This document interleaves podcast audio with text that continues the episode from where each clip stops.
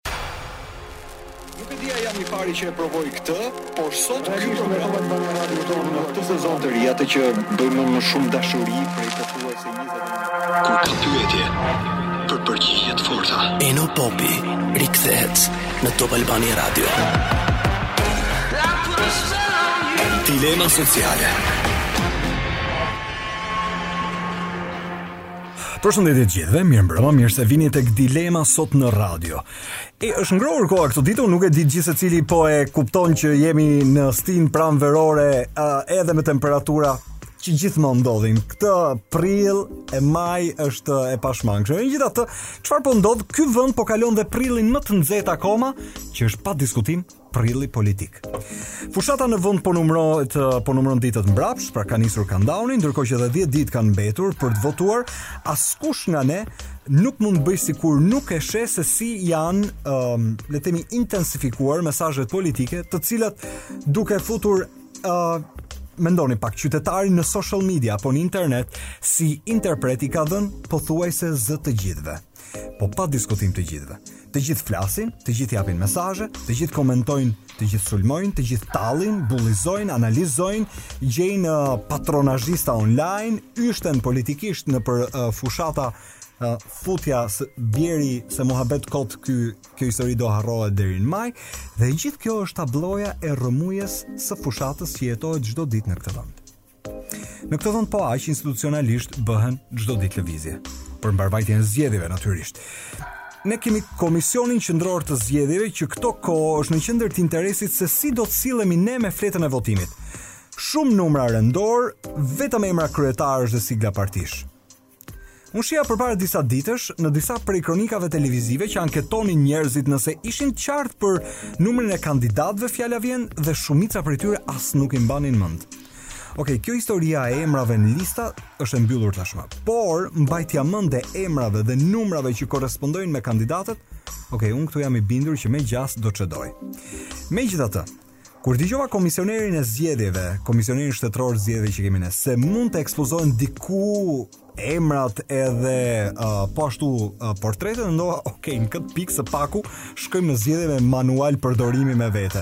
Jo për gjë, por për të mos përfunduar për shembull tek numërimi, ju e dini, proces kyç i administrimit është numërimi, që më tutje me numëruesit e partive, Ju e dini se si shkon, ndonjëherë me bllokime artificiale, kontestime, sherre dhe jo në pak raste karrige dhe tavolina kokës. Histori shqiptare kjo.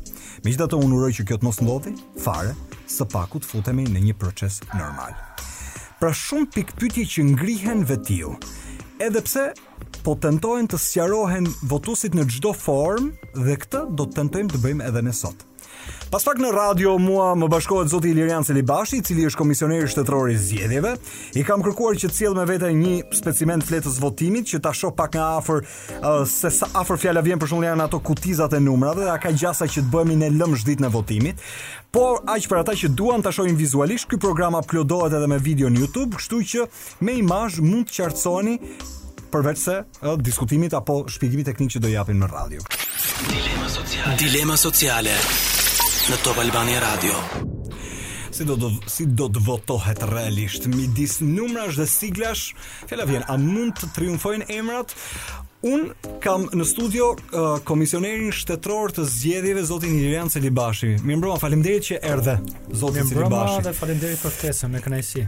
Pyetja është, nuk e di, a po mësohen njerëzit me termin komisioneri shtetëror, se gjithë jetën kanë thirr kryetari i KQZ-së. Akoma jo, një pjesë e madhe akoma jo. Vazhdojnë të, të më drejtojnë kryetar kryetar. Okay, po nuk po, ndryshon asgjë në raport me me punën. Në rregull. Dakor, po un do të përpiqem uh, që të jem shumë korrekte në mënyrën se si uh, pastaj do të vazhdojmë intervistën. Janë përgatitje intensive për çështjen e administrimit.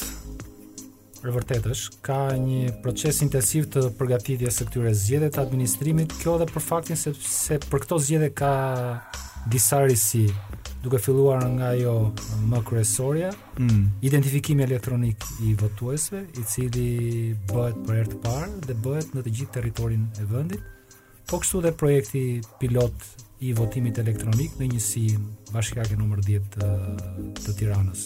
Pytja është, ne pse s'e bënim dot, nuk e bënim dot, a nuk e kapnim dot, ta bënim le të themi në gjysmë, ose në ato që janë qarqe kyçe, votimin elektronik? Uh, koha, në fakt, koha, Përveç kostos, po edhe koha që kemi patur në dispozicion pra më pak se 6 muaj për të përgatitur procesin zgjedhor dhe në mënyrë të veçantë procesin mm. e votimit dhe numërimit elektronik ka qenë shumë shumë e shkurtër dhe po kështu kjo vlen edhe për projektin e identifikimit elektronik si rrallë herë ose ndoshta nuk ka precedent të tillë në dijeninë time që Projekte të tillë masivë të implementohen në një kohë kaq të shkurtër, okay. ka qenë sfidë vërtet. Ama votimi elektronik ku do të implementohet në cilën zonë? Në njësinë bashkiake numër 10 në Tiranë ose KZAZ numër 40.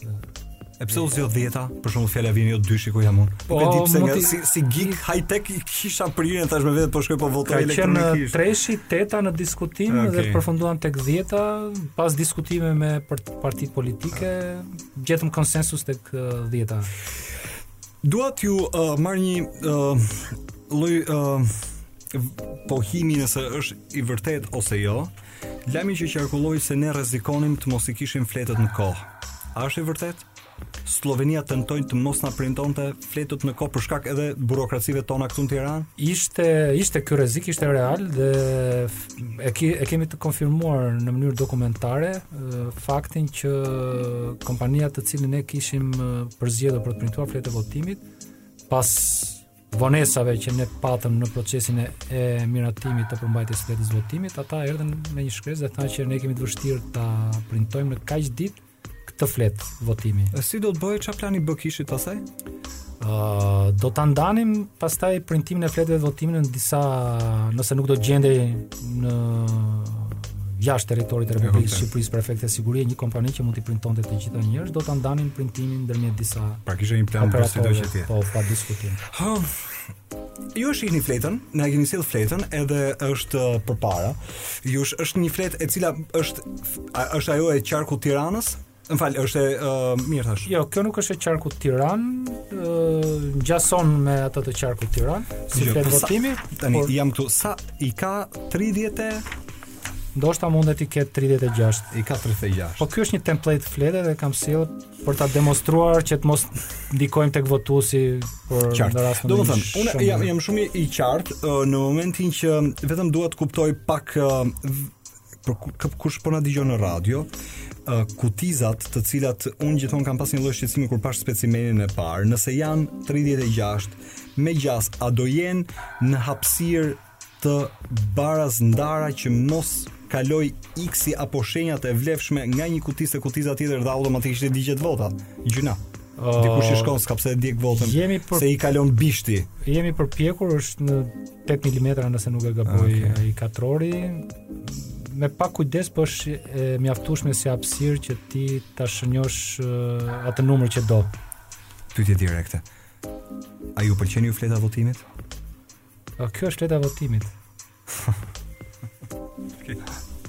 Pra do duhet ajo çfarë duhet do duhet të bëjë KQZ tani dhe çdokush tjetër që mendon që do duhet të japë një kontribut lidhje me këtë çështje do duhet të të informojë votuesit mbi mënyrën e plotësimit të kësaj flete votimi. Ju si institucion dhe vetëm pas pak do të pyes pastaj për uh, të gjitha specifikat se si një fletë është e vlefshme dhe si një fletë është e pavlefshme. Ju do më shpjegoni gati si manual pothuajse një pjesë të mirë, ëm, uh, domethënë të asaj që duhet bërë për të mos gabuar një votues.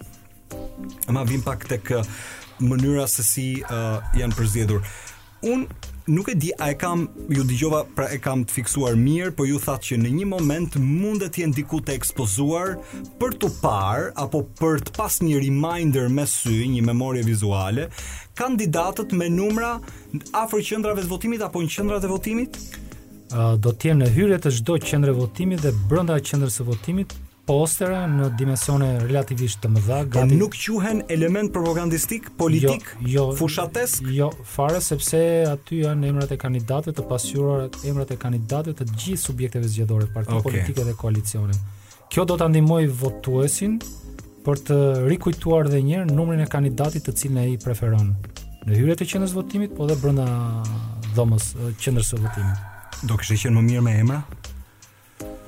Po ka diskutime, unë nuk dua ta bëj këtë diskutim tani dhe sot, sepse dua që ta fokusoj vëmendjen e e, e zgjedhësit të interesuar tek ajo se si duhet plotësohet kjo fletë votimi që është tashmë kështu sikurse është. Nuk të pyes kot zoti Celibashi a do të kishte qenë më mirë me emra, sepse ë uh, unë nuk e di si institucion a keni pas ju një ngasje për të anketuar njerëz jashtë, por një pjesë e mediave kanë bërë, edhe jehona që vjen është që probabilisht mënyra se si mundet të kenë njerëzit memorien vizuale është e diskutueshme, diku do të çedojë.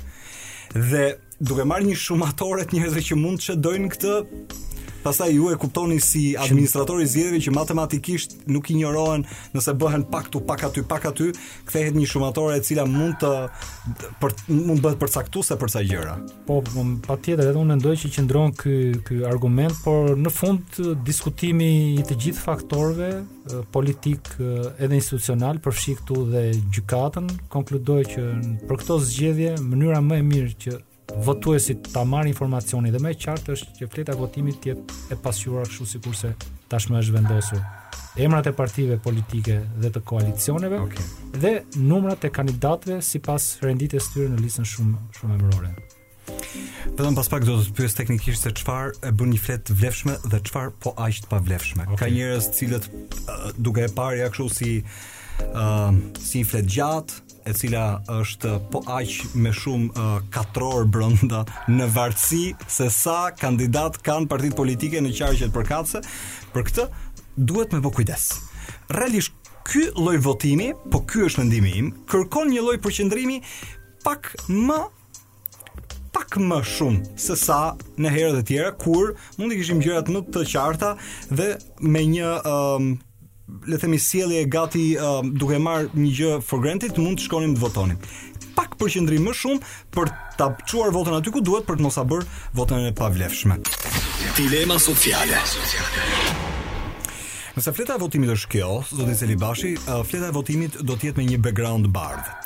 Do të ketë një konturim me disa linja të verdha që ndan, si me thënë, uh, vijat të cilat janë kolona rrjedhimisht nga uh, numri 1 deri tek numri i 13 që 13 përgjithësisht janë gjithë të pavarurit. 13 ju i keni lënë gjithë bashkë, keni grupuar me një Ka vetëm në 5 qarqe janë kandidatë të pavarur. Okay. Jo të gjitha qarqet kanë kandidatë të pavarur. Tirana okay. ka një kandidat të pavarur. Pra fjala vjen qarqe të tjera do ta kenë këtë rreshtin e fundit bosh.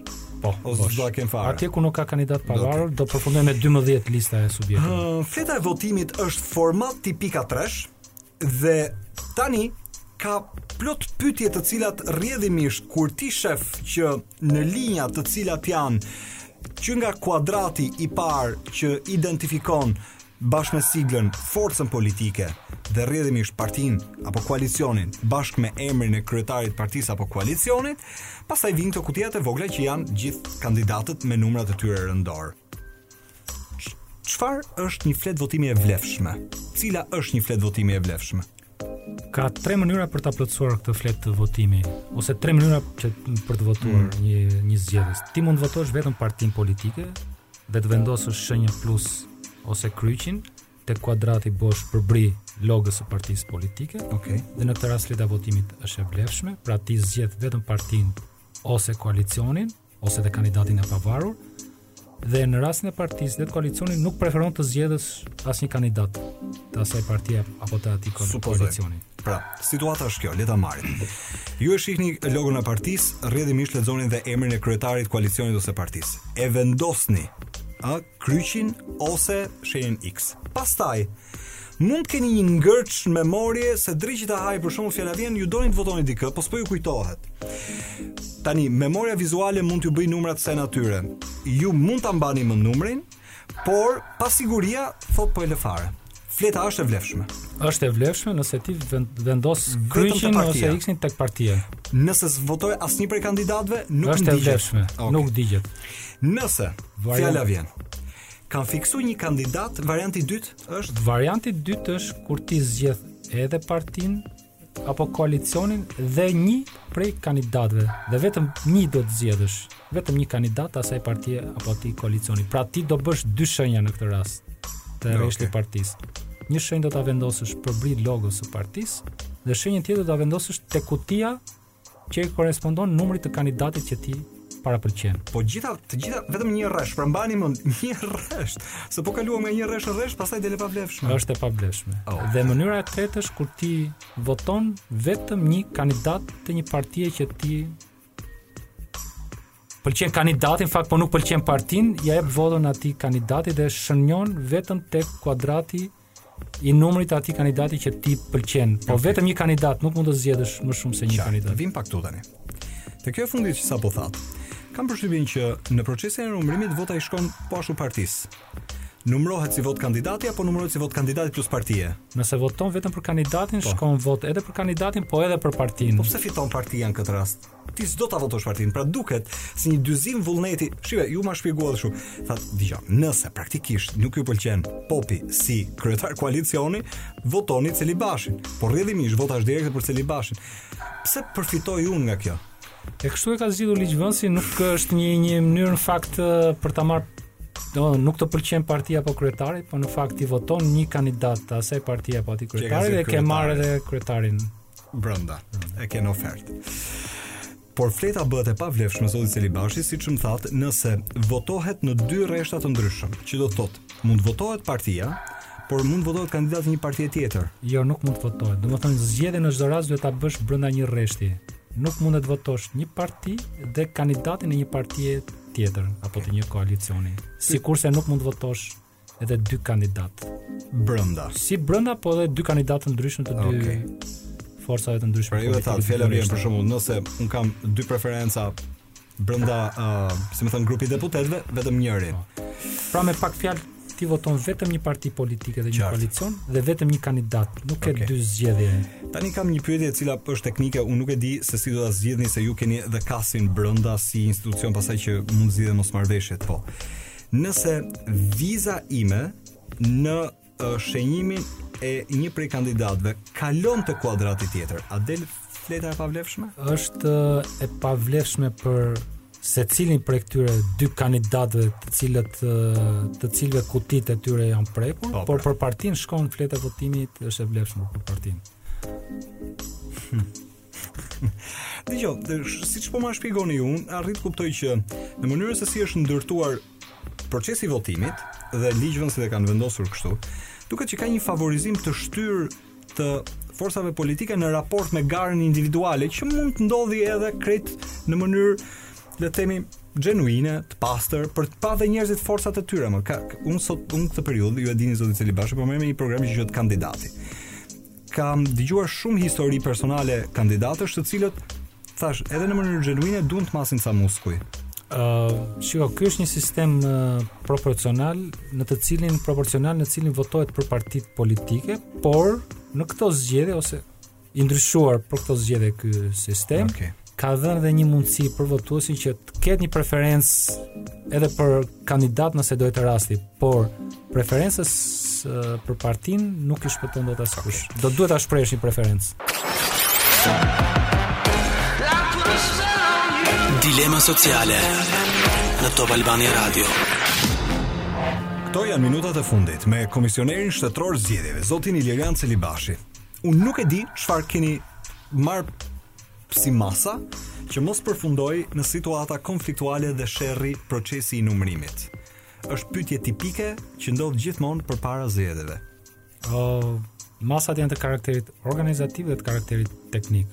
Një masë uh, të karakterit organizativ që kemi marrë ose rregullator, për shembull, kemi vendosur që fletët e votimit në të cilat ka vetëm votë për partinë, pra nuk ka votë për kandidatin. Këto fletë votimi nuk do të rivlerësohen përsëri kur vjen procesi i vlerësimit të votave për kandidatët.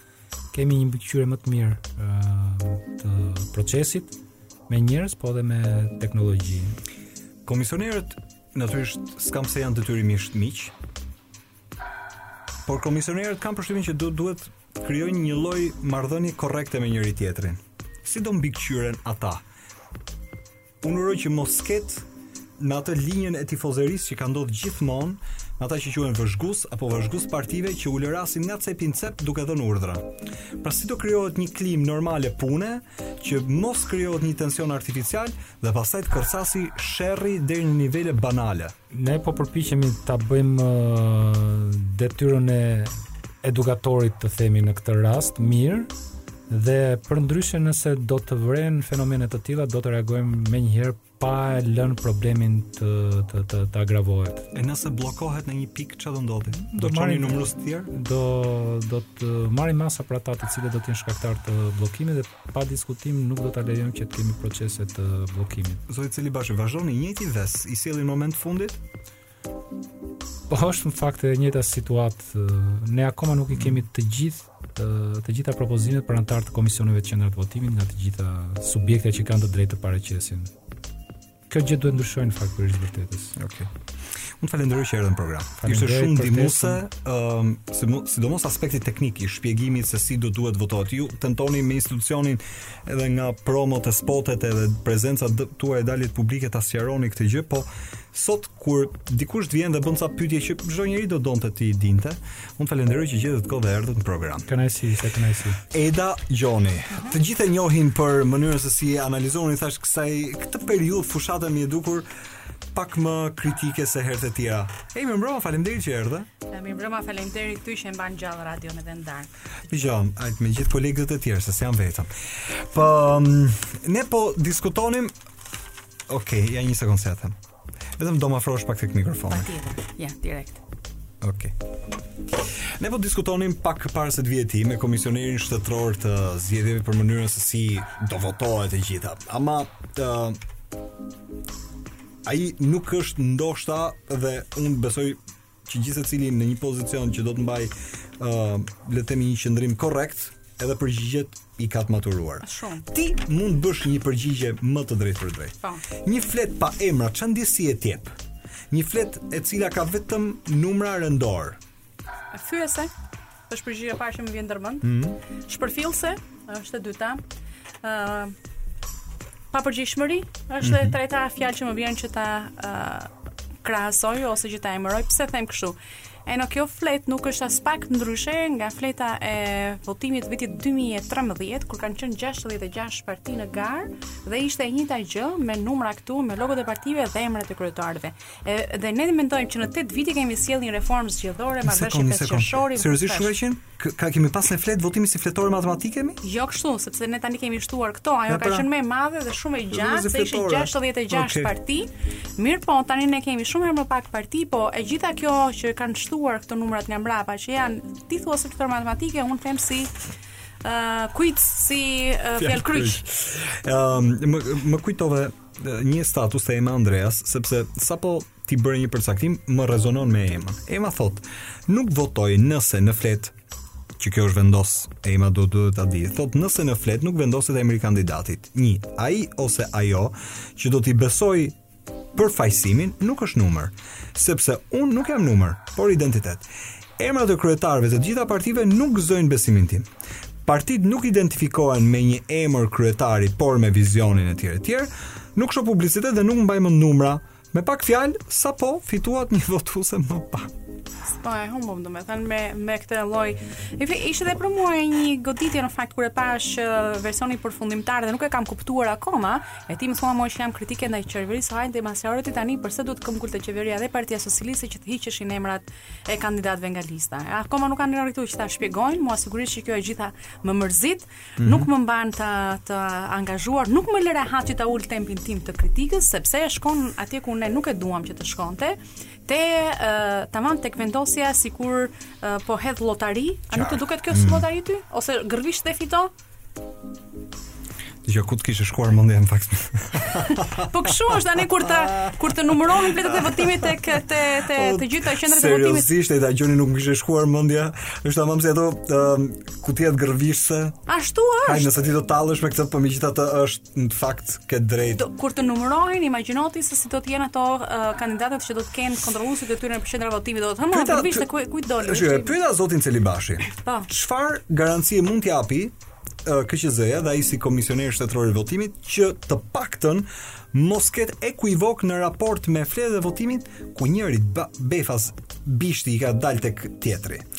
Dhe duke qenë se janë ngjitur, mundet që dikush të ketë bërë shenja të cilat janë përtej kuadratit dhe të prekin dy ose tre kuadrate. Rrjedhimisht fletët mund të quhen të pavlefshme pastaj.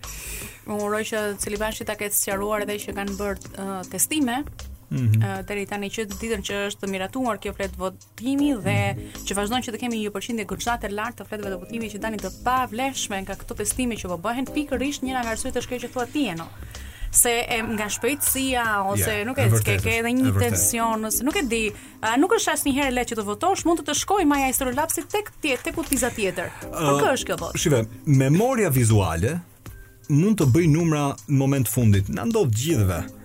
Pra i moment ti uh, jo detyrimisht kandidatin që e di me emër, me mbi emër, ja di ose kandidatin ja di numrin. Dhe në atë moment ngërçi mund edhe mos votosh. A të duket sikur realisht individët të cilët po garojnë. Unë jam përfshirë në një projekt që quhet kandidati, ia thashë edhe zotit Celibashi, të cilët po shoh njerëz të cilët edhe në mënyrë uh, genuine duan që të masin muskujt. Po. Por rrjedhimisht është kjo fletë votimi kundër individëve. Shumë kundër individëve. Jo vetëm fleta votimi, por kundër individëve është edhe strategjia që kanë ndjekur të dyja partitë, edhe pse në pamje të parë duket e kundërta në fakt çon pikërisht aty. E para partia socialiste që këmbënguli që t'i heqë emrat nga lista, E tha fjalën e vet, domethënë që për ta individi nuk ka rëndësi.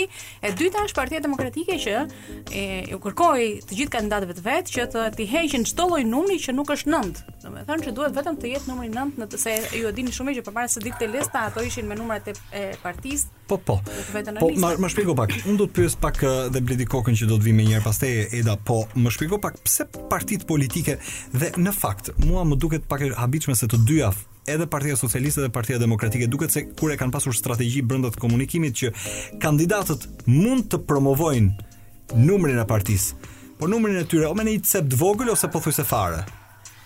Po sepse kjo do të realisht do të sillte shumë konfuzion tek votuesit dhe jo te votuesit e Tiranës, e no. Ne e shikojmë. Si mund të fushatojë individi për as. A hapën listat? Po. A hapën listat? Në një sens hapën. Po po gjëja është kjo, se ishte ishte kjo ishte vetëm e saktë kur në momentin që ishin emrat, tani që s'kanë emrat, unë ta thashë që kjo është një listë ekzakt e njëjtë me atë të 2013-s, ndryshimi i vetëm është që kemi ca kuti gërvisht dhe fito.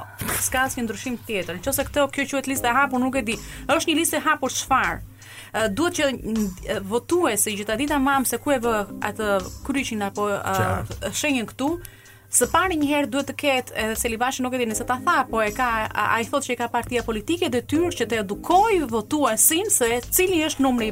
Ndërkohë që KQZ-ja do të vendosë jo, listën të afishuar. Është në fakt, ata do të tentojnë ta bëjnë këtë. Ne me Partita shumë gjasë, shive, me shumë gjasë, ne do të shkojmë në zgjedhje me manual përdorimi. Pra fjala vjen. Në, në qendrat e votimit do të shohim uh, ca portrete te hyrjet e shkollave fjala vjen. Për shembull, po. të cilët kanë emrin dhe numrin. Se nuk mjaftojnë që kemi një listë të pafund zgjedhësh, po tani do shikojmë dhe foto po, edhe po, edhe numrat. Do jetë gati si një galeri. Ti e ke parasysh kur hyn në galeri dhe shef uh, portrete njerëzish? Ti do të gjesh portretin e kandidatit që të pëlqen, t'i mbash mend numrin para se të hysh, po të hysh me ta memorizosh. Shiko, uh, për ne. S'ke si e shef. Për ne që... ose nuk ke si nëse do ta fiksosh momentin e fundit nuk ke si e bën tjetër kanë vendosur që të ekspozojnë kandidatët nëpër qendra votimi. Shiko sa unfair sa e padrejtë është kjo për votuesit që nuk janë në Tiranë. E para në Tiranë janë numri më i madh i votuesve, numri pa pasur nuk kam asnjë lloj paragjykimi për votuesit në rrethet e tjera, por në Tiranë është mbledhur ja i ke të gjithë ata që punojnë, që studiojnë, elitën e, e vendit tek, domethënë, njerëzit që janë me kuotë inteligjence mesatare lart i ke në Tiranë dhe këta janë edhe të ekspozuar vetëm nga një lloj informacioni që është për listën e kandidatëve të Tiranës. Imagjino në të gjitha rrethet që shikojnë lajme nga televizioni juaj dhe të tjerët që shikojnë edhe kandidatët e rretheve të tyre, qarqeve të tyre, edhe këta të Tiranës. Imagjino sikur të bëhej kjo fushata, voto numrin 8 dhe voto numrin 15 le të thoshin. Ai 8 hmm. dhe 15 në, e bën këtu në Tiranë dhe ai shikon në Top Channel këtë. Ndërkohë që te rrethi i tij 8 dhe 15 mund të jetë diçka komplet tjetër. Se pe, i 15 në Tiranë nuk është i 15 në në një rreth, jo, në një qark tjetër. Me analizën tënde i fus një uf sepse kam përshtypje që po të mblidhet në një shumatore pak gabim këtu, pak gabim aty, pak gabim diku tjetër, nuk është më pak kjo punë, jo, por mund të kthehet në një ngërç, i cili rrjedhimisht pastaj mund të lëvizë ca balanca, por për këtë do të të pyes vetëm pas pak. Dilema vazhdon. Unë pres ndërkohë që të më bashkohet pak më vonë në program edhe Bledi Koka. Një kokë shkëmbe kam pas në klasë. Um, nëse... Unë jam bërë gazetare se doja të punoja në radio gjithë kohën, jam bërë me qind për qind. Por gjërat ndryshojnë pastaj. Ti në fakt kalove në shumë shoqëri civile, kalove shumë në aktivizëm. E po medias nuk i jam larguar as një sekondë, unë çdo gjë që bëj është 360 gradë para mbrapa anash, po jam gjithmonë këtu te mikrofoni. Shumë, okay. A parashikon ti që dhe rikthehemi pak pastaj tek um, efekti kolateral ose efekti anësor që do të vijë si rrjedhojë e qoftë edhe mënyrës se si do të votohet sot. Po. Që do të kemi individë disa të pakënaqur dhe rrjedhimisht një stërzgjatje të procesit i cili mund të jetë një proces problematik. Si e gjykon ti? Edhe me pasoja Vetëm afro pak, të lutem. Me pasoja jo të mira për uh, mhm. për Shqipërinë, për neve, për shkak të edhe fletës së votimit, po edhe të situatës politike që është në vend, unë parashikoj që si në vitet kyçe 2005-2013 ne të kemi një edhe 2011 për zgjedhjet lokale, të kemi një zgjatje të pajustifikuar të procesit të numërimit dhe kjo fletë votimi ma e parashikon këtë, pra më lë të dyshoj që do të kemi vërtet problematikë në numërim, Mm. Por ajo që shikoj akoma më problematike është do të kemi uh, vështirësi në pranimin e rezultatit. Mm. Uh, dhe ishim duke diskutuar të dy bashkë që në qoftë se përpara disa vitesh na dukej sikur partia më elitare ose më e gatshme për të pranuar rezultatin e zgjedhjeve ka qenë partia socialiste, mbas 8 vitesh në qeverisje, ne jemi duke parë që secili element e kandidat i partisë socialiste e ka të vështirë të pranojë pran, gabim e jo më humbje. Ai vitet e fundit veçanërisht janë bërë të refuzojnë totalisht të thuash gjithçka që ti thua ka një përgjigje të gatshme. Imagjino nuk e besoj dot që do të pranojë Partia Socialiste rezultate ku nuk është siç i meriton, siç i mendon ajo. Megjithatë, Komisioni Qendror është një vend ku praktikisht dakordsohen partitë në një mënyrë apo në një tjetër. Ata janë dakordsuar për fletën. Ata kanë rënë dakord. A mos do të kthehet, nuk e di tani a e mendon ti ja. A ka gjasa të kthehet fleta në një alibi të re sherri pas zgjedhjeve për njërën palë apo për palën tjetër. Jo vetëm për kontestime, por edhe për faturime të tipit që njerëzit nuk u orientuan ose njerëzit votuan gabim ose gabimi njerëzor prevaloi sepse fleta ishte orientuar keq. E di pse nuk do ta thonë këtë, shikoje pak me vëmendje së pari partitë të të të tria të mëdha nuk kanë shfaqur asnjë kontestim, ka pasur pakënaqësi dhe normalisht janë kanë pretenduar që të kishin formate të ndryshme, por që në momentin që kjo është miratuar, nuk është harxhuar më asnjë sekondë nga asnjëra parti ne merremi me fletë partitë politike, jo. Ne të, të medias të shoqërisë civile, ne që duam të jemi të qartësuar, të edukuar, të informuar, e të dimë qartë se ku e vendosim, ku do ta vendosim shenjën, ne na shqetëson ky fakt. Ato jo, që do të thotë kjo nuk ka për t'u bërë mollë sherri, por ka për të bërë mollë, uh, ka për të bërë uh, një një ndalesë e jashtëzakonshme në mënyrën se do të numërohen në shpejtësinë me të cilën do të numërohen uh, votimet, uh, do të ndëshkojë shumë individët, sepse siç mund ta ketë thënë zoti Celibashi do numërohen vetëm votat e partive dhe për ato që nuk do të ketë vota mjaftueshëm nuk do numërohen më votat e individëve. Pra, edhe pse dukej në pamje të parë një garë e hapur ku individët donin të tregonin muskujt siç thotë ti, s'kanë mundësi që ta shikojnë atë, sepse nuk do të shpenzohet kohë Ndërkohë që sa i përket Komisionit Qendror të Zgjedhjeve dhe mënyrës se si ata do ta administrojnë apo do të përballen qoftë me numërimin, qoftë me procesin, qoftë me ankimimet, ë besoj që do të ngadalësohen me gjithë vullnetin e tyre as personat në komisionin qendror të zgjedhjeve janë po aq politikë sa kanë qenë gjithmonë, pavarësisht se a jam naiv unë nëse mendoj që ne do ikim me pushime, s'e na kap korriku gushti. Po akoma s'është mbyll procesi numërimit? Po unë nuk e përjashtoj që mund të kemi pika edhe debate uh, për uh, qarqe të veçanta, për numra të veçantë, të të jesh i sigurt ti njëherë që nuk do të kemi ide të qartë për qeverinë e re para se sa ne të shkojmë me pushime. Pra deri në vjeshtë.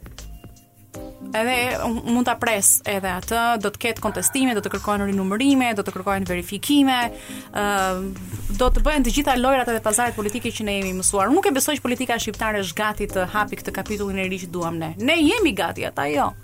A do të mbajnë tek uh, stagnacioni po, statu quo ja vetë. Është mirë ashtu për ata, okay. është shumë mirë. Është ja zakonisht shumë mirë ashtu. E po të ishte ndryshe, atëherë do të ishin shqetësuar më pak që do të bënin një fushatë që të na jepnin dhe neve mundësi Që të merreshim me ato që thonë. Kjo është pyetje direkte. Mos më thuaj emrin e kandidatit, po më thuaj numrin e kandidatit që ke preferencë. Po Nuk e di sepse më ngatërrohen se ne jemi njerëz të medias dhe unë dua që t'i shikoj listat e të gjitha partive dhe okay. dua që t'i më është e pamundur për një unë s'kam memorie fotografike. Edhe imagjinoj që 99% e shqiptarëve nuk kanë memorie fotografike yeah. që unë të mbaj mend të gjithë kandidatët e të gjitha partive. Ose edhe sikur unë të kisha zgjedhur një, një, një preferencën time të koalicionit apo të partisë, është e pamundur për shkak se uh, merrem kaq shumë me analiza, duhet të shikoj listën e Tiranës, duhet të Shkodrës, duhet të Vlorës. Seriozisht, un po mos të për shkak edhe të frekuencës për shembull fjala vjen Njëshi, ti je i prirur ta fiksosh që është Partia Socialdemokrate e Tom Doshit se u luajt me lajmin që uh, njëshi uh, rastësisht shkoi te Tom Doshi për shkak të shortit që u hodh. Pastaj, nënta është Partia Demokratike dhe un ça vendosa vendosa duke qenë se e kam ditëlindjen 19 mu lidh me nëntën e ditëlindjes tashmë, ok dhe ndërkohë 12-ta Nuk e di, po kur i ra para ca kohësh ty të kujtohet se pra do të kuptosh trikun tim të memorjes. A të kujtohet ty para ca kohësh kur i ra numri 2 Partisë Socialiste që filloi Rama me dy gishta? Me dy gishta tani i ra 12-ta. Dhe u ra 12-ta dhe un asocioj direkt dyshin. Okej, okay, sepse lidh me pra, të kaluar. Pra jam kap te numrat fundor. Sepse, ok, truri yt ka gjetur një mekanizëm që të të ndihmojë ty, se jemi vdektar të gjithë dhe nuk kemi memore fotografike që ta mbash mend në këtë lloj forme.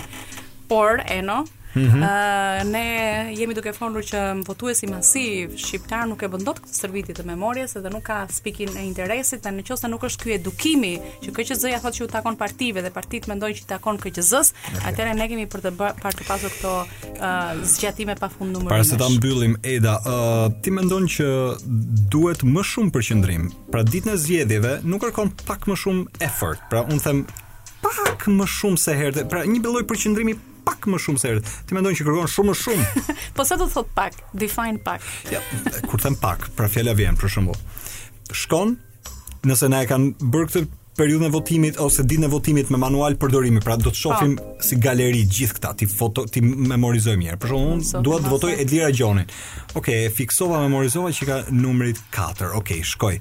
Pastaj, ëm um, memorizoj partinë dhe të memorizoj ty dhe kjo kërkon një lloj përqendrimi them un pak më më të shtuar se gjithë herët e tjera. Un them që kjo kërkon një përqendrim shumë më të shtuar se sa herët e tjera. Jo pak, të pak do të ishte mirë, Uh, të mos harrojmë, të gjithë jemi votues kur hyn atje ti edhe nga frika se mos aq më tepër që shtohet frika mos e bën gabim, kjo në fakt shton tek hezitimi edhe tek mundësia që realisht të bësh gabim. Unë të falenderoj që erdhe në radio. Ah, faleminderit shumë që më dhatë ndjesinë okay. e radios sërish. Do të them, 4 vite kam shtyrë me të periudhën më të mirë që është periudha e shkollës. Dhe pastaj ia kam njoft karakterin në profesion. Është kokëderr. Një. Është kokëfortë si natyrë. E dyta është kështu um, antikonformist si natyrë, nuk para bënte gjithmonë uh, s'para bien paqe me gjëra. Dhe e treta fakt është për koincidencë një koka dhe ai është Bledi Koka. Si je ti? Mirë, mirë. Jam faleminderit që erdhe në radio. Domthon, jo unë e prisja dhe Madje jam mërzitur gati që s'më ke ftuar më herët. Dgjoj, ëm ehm, um, un gjithmonë kam dyshuar nëse midis ja, dëshirës tënde për të bërë një hap në radio, ka shumë njerëz që vdesin vetëm me dalë në televizor. Ti thua radio thon, çfarë televizioni? Thua radio. Ti çfarë po mendoje sot? Ra radio. po mendoje një gjë. Dhe të kam paragjyku se thash me vete ka një arsye o më vjen o s'më vjen. Nëse kjo mm. nuk do ndodhte për asnjë gjë, por po mendoja një gjë sot. që nëse kërkon në analet e, mm. e historisë së rekordeve të Top Albania Radios, e, okay. ti do gjesh edhe një provë zëri të Bledian Kokës në tentativë për të dhënë lajme Top Albania Radio. Kur more e ke bërë? Dhe ka qenë uh, një dëshirë shumë e madhe ime. Kur e ke bërë ti këtë? Uh, këtë e kam bërë besoj para nja 7, 8 ose diçka më shumë vjetësh. E kam ditun këtë? Ë, uh, po. Sepse ti e ke bërë regjistrimin e zërit. Edhe çfarë ndodhi pastaj? Dhe nuk mora asnjë përgjigje, jam duke pritur ende. Çfarë hakmarrje në pjatë kjo? Dgjoj, po si më është fshirë mua nga memoria. S'ke faj sepse ka qenë ka qenë kohë ndoshta shumë më Po kam përshtypjen ne do jemi taku, do jemi çmall atë periudhë. Jo patjetër patjetër, un uh, mos gaboj. Ti fol për gjëra tona dhe është harruar. Mos gabohem, un kam qenë. Është harruar regjistrimi. Shikoj tani, un kam pas një ndërkohë që ti je Ua, i përjetshëm në Top Alba. Më hapet sa biseda që po më ikën koha, ha. Dgjoj, shpejt e shpejt, ë uh, uh, ti e di që un kam punuar ca kohë në Top, Top po. News, pra kam po, qenë gazetari i parë i politikës në Top News dhe ka qenë pikërisht atëherë momenti 2007, 2007, 2008 praktikisht 8 muaj un kam qenë në Top News dhe në Top Media, kaq ka qenë eksperienca ime pastaj un ika dhe kam bërë një seri eksperiencash tjera, kryesisht televizione informative. Por um, edhe një provë për zërin në radio, por zëri me sa duket nuk ishte kaq i mirë sa sot. Po jo more pse? Ja po ta dëgjoj goxha të mirë. Bledi, megjithatë në analizën tënde të vazhdueshme që un të ndjek në vijimësi për sa i takon situatës politike, zgjedhjet janë aty. Fleta e votimit un nuk uh, jo pa shkak ta solla, po. sepse është një prej elementeve që po diskutohet shumë. Ne kur ngritëm pyetjen për si dreqin do votohet, si mundet sot një emër të ketë fuqi kur nuk është një emër, është një numër. Sa gjasa ka që sot një individ, një kandidat ta marrë forcën ose ta marrë, le të themi, ta provojë forcën me votë.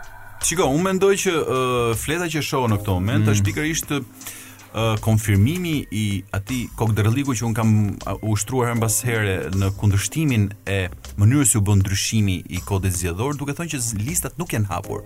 Pra, këtu nuk ka lista hapur dhe pikërisht kjo fletë që ne shikojmë dhe që dëgjuesit tanë nuk e shikojnë është konfirmimi i kësaj që këtu qëllimi ose propaganda e e rilindjes ose e mazhorancës aktuale ishte për të thënë që ne po i hapim listat dhe ne kemi një listë me numra. Pra nuk kemi lista të hapura. Pra njerëzit nuk e identifikojnë dot Eno Popin kandidat Alias apo Bledi Kokën në në në në li, në fletën e votimit për shkak se ai nuk ekziston si emër dhe dikush duhet shkojë tashmë në ditën e votimit konsiderohet si si ditët tona të provimeve. Mban mend? Po nuk është se kishim mësuar dhe aq mirë dhe edhe ato që dinim i harronim dhe në fund fare merrim një katër. Um, po pyes vazhdimisht disa njerëz, pak para ishte edhe uh, komisioneri shtetëror uh, zoti Celibashi, po ashtu ai nuk më mohonte dot faktin që me memorien fotografike të njerëzve nuk mund të vësh dot bast. Pikërisht. Kjo është, kjo është ka gjasa që kjo të kthehet në një argument beteje politike më mbrapa. Kur sot partia ime dhe partia jote pavarësisht se të dyja, si me thënë, janë parti uh, që janë në garë, e pas kanë pranu këtë fletë. Shiko, e para e punës e vërteta e madhe është që e, partia demokratike mm. dhe si asnjëherë tjetër komisioneri Ilirian Celibashi që në 2005 ishte Ilirian Celibanda mm. në artikulimin e kryetarit partisë mm. demokratike në atë kohë Sali Berisha kanë qenë për fletën e votimit me emra po, pra. dhe partia demokratike kërkoi këtë komision komisioneri e konfirmoi këtë kërkesë, okay. pastaj ishte Partia Socialiste ajo që na tha që listat janë hapur, e cila e bëri rekurs fletën e votimit me emra dhe vendosi që të na bëjë një uh, biletë bingoje me të cilën ne duhet mendojmë dhe duhet zgjedhim të ardhmen tonë për 4 vitet e ardhshme. Direkt ti i mban mend me numra dot, unë e kuptoj për shkak të punës, tani po i mban dot mend me numra kandidatët? Uh, jo, mbaj mbaj mend vetëm kandidatin që kam vendosur të votoj. Okej. Okay. Dhe vetëm kaq. A do të ishte le të themi një sprovë praktike pra fjala vjen. Po, pra, Prindrit e tu, ë, uh, njerëz të afërt, ë, uh, gjithsecili prej nesh ka rreth e miq etj etj. A mund vetëm ta orientojë dikë që mos t'i digjet vota që të ecë me koeficient tipi Për shembull, ku di un, po marr kot tani që të jem uh, luajal. 4-2. 9-8, 12-3. Jo, di, po po bëj kështu do jetë një ngatërresë e madhe dhe në fakt po, si? parti partitë politike po po veprojnë me me, me një tjetër gjë. po veprojnë me urdhra për për gjithë militantët e tyre që të votohet numri i forcës politike nënta për po si po si ka mundësi për PD-në duke qenë 7-a 12-a sa ka partia socialiste se nuk jam i sigurt tamam se kanë frikë se konfuzohen e se shkon vota po partisë tjetër jo kjo është edhe një strategji për t'ju imponuar uh, militantëve që uh, ata të votojnë vetëm partinë dhe pastaj shpërndarja e votave të bëhet në bazë të asaj që ka përzgjedhur kryetari pra sërish Jemi te kryetarokracia dhe sërisht këtë kërkesë e ka bërë Partia Socialiste ajo që i tha shqiptarëve se unë i hapa listat, tani ju do i keni kandidatët do i zgjidhni ju dhe ju e vendosni. Megjithatë, Bledi, uh, po e them uh, se sillet biseda, çdo ditë, po kemi disa prej të ftuarve. Ë uh, në programin që po bëj Shof njerëz seriozisht që duan të masin forcën e tyre, pra muskujt politik në një sens, në një garë. Patjetër. Dhe gara është, ata me drejt Zotit kërkojnë një hapësirë sepse kërkojnë një profil dhe profili t'i shkojë votuesit e të tjera. Pra duan ta provojnë sa iu vlen emri sot. Sa gjasa ka që me këtë fletë. Dhe kjo dëshirë të jetë uh, e diskutueshme. Unë mendoj që është është e vendosur seriozisht në në në në në diskutim okay. tashmë, pra është seriozisht e e cënuar me me me fletën aktuale të votimit. Pra dikush ngriti pretendimin që fleta e mëparshme e votimit është një fletë më e madhe dhe mund okay. mund të kuptohej se ti për kë po votoje, por mendoj që ishte thjesht një alibi për ta çuar procesin e votimit aty ku ka qenë. Pra, ah, okay. tek tek vullneti i kryetarëve, tek zhdukja e identitetit të kandidatëve dhe tek imponimi i vullnetit përmes siglës dhe asgjë tjetër. Bledi të dyja partitë kërkuan me urdhrat e tyre të brendshëm që kandidatët mos evidentonin numrat e tyre, të evidentonin numrat e partisë. Dhe ti ke përgjithësisht nga posterat dhe banerat që ne i shohim online po. gjithë kohës, ke portretin e kandidatit, ke numrin e partisë të madh, E në një cep numrin e tyre të vogël, ose pothuajse fare. Sepse, e, ndoshta kjo po pastaj... Po janë të dyja njësoj, domethënë janë koherentë, edhe PS edhe PD-ja, po, po çfarë lidhje, çfarë rëndësie, ose në fakt, çfarë interesi do të kishin. Sepse vendimmarrja përfundimtare që bëri e, Komisioni i Vlerësimit, në ajo në Komisionin Qendror të Zgjedhjeve, imponon këtë strategji. Qartë. Sepse ne e diskutuam më parë, që dy numra janë problematik për të mbajtur mend. Një numër është më i thjeshtë për të mbajtur mend. Që mos t'i futemi andrallave të humbjes votave të pavlefshmërisë apo kalimit të votimeve nga njëra fletë tek tjetra apo të hum, të humbjes së peshës elektorale që mund të vijë dhe prej këtyre gabimeve, atëherë logjikshëm mendoj unë po të isha kryetar partie, do kërkohej që për hir të një le të themi ngërçi apo një një hileje të të, të mm. imponuar për shkak të forcës kartonit, ti i kërkon okay. forcës tënde politike që të paktën votoni numrin dhe pastaj verdiktin e diskutojmë pas 25 prillit. Ha, o, di këtë ka qëllu Dua Lipa, kënga quhet uh, We're Good. Mm -hmm. Do ta dëgjojmë tani në radio dhe kur të rikthehemi, ka një diskutim që uh, po vazhdon dhe po bëhet për mënyrën se si ka gjasa që ky proces që duket se erdhi, e kemi të dera punë 10 ditësh. Në fakt, nuk do të iki shpejt. Mund të na zvarris gjatë, qëndroni aty vetëm pas pak. E pyeta edhe Eda Gjonin, a ka gjasa që kjo të na zvarrisi? se uh, ti a mendon se mundet të na shkoj gati në kufit vjeshtës mos më keq. Jo, nuk ka nuk ka gjasa, mendoj. Thua, mendoj, mendoj që mbaron shpejt. Me, mendoj që do jetë një vullnet i qartë ose për PD-n ose për PS-n. Pra nuk e di se si do shkojë, por në fund ditës do jetë një vullnet i qartë ku secila prej këtyre forcave do ketë mundësinë për ta për ta formuar qeverinë ose vetë ose në koalicion. Se një pjesë e mirë e sondazheve, të cilat janë gjithmonë diskutueshme. Po. Dhe unë mendoj që më mirë ë uh, le të shihen sondazhet pa ndonjë lloj kështu uh, pritshmërie të lartë, Se po i pe me pritshmëri e me tifozllik të lartë lu mendsh. Kështu që më mirë shifi dhe konsumoji kështu, sepse data 26 eventualisht do kuptojmë pastaj kush prej kompanive ka sondu në mënyrë dinjitoze, kush pastaj e ka fut kot. Nxjerrin një një përballje të ngushtë të gjitha sondazhet. A mendon që pikërisht kjo ngushtësia mund të na zvarrisi në një lloj ambiguiteti, paqartësie, mënyrës se si sa të vendoset, sa të bëhet një lloj ndeshje aty etj etj. Shiko, shiko. Dhe shqiptarët rrin akoma. Shiko çfarë mendoj. Uh, rezultati është i ngushtë, por ndarja territoriale mund të mund të sjellë surpriza të caktuara në të dy në të dy në të dy raste, domethënë mendoj që uh, treguesi ishte viti 2017, ku Partia Socialiste siguroi 70 katër mandate mos gabohem, me gjithë koalicionin shkoi diku te 78 mandate. E njëjta gjë mund të përsëritet, nëse do ketë një vullnet për ndryshim, mund të përsëritet edhe në rastin e Partisë Demokratike, por kjo madje edhe me një me një avantazh shumë më të madh, duke marrë parasysh edhe Lëvizja Socialiste për Integrim i ka ca vota. Qartë. E kupton pra varet se si do interpretohet dhe si do si do, si do pasqyrohet vota në zona të caktuara sepse e tillë është ndryshimi i kodit. Pra jo domosdoshmërisht ajo që shikojmë duke i marrë të mirëqena të gjitha sondazhet mm. me mhm. gjithë respektin maksimal për punën e tyre, jo domosdoshmërisht ato shifra të ngushta që shohim mund të pasqyrohen në atë le të themi 70 me 70-ën e e, e, e 2009-s po të duash. ta marrim. Pra, jo domosdoshmërisht, pra duhet parë deri në fund se si do ndodhë si do shkojë.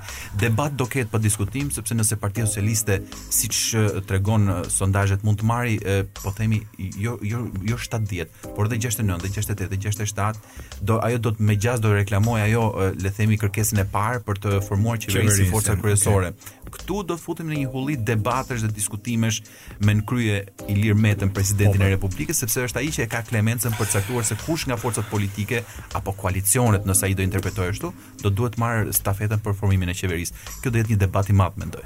Bledi, unë nuk e di nëse ti ke një informacion dhe këtë o ma poho o ma moho.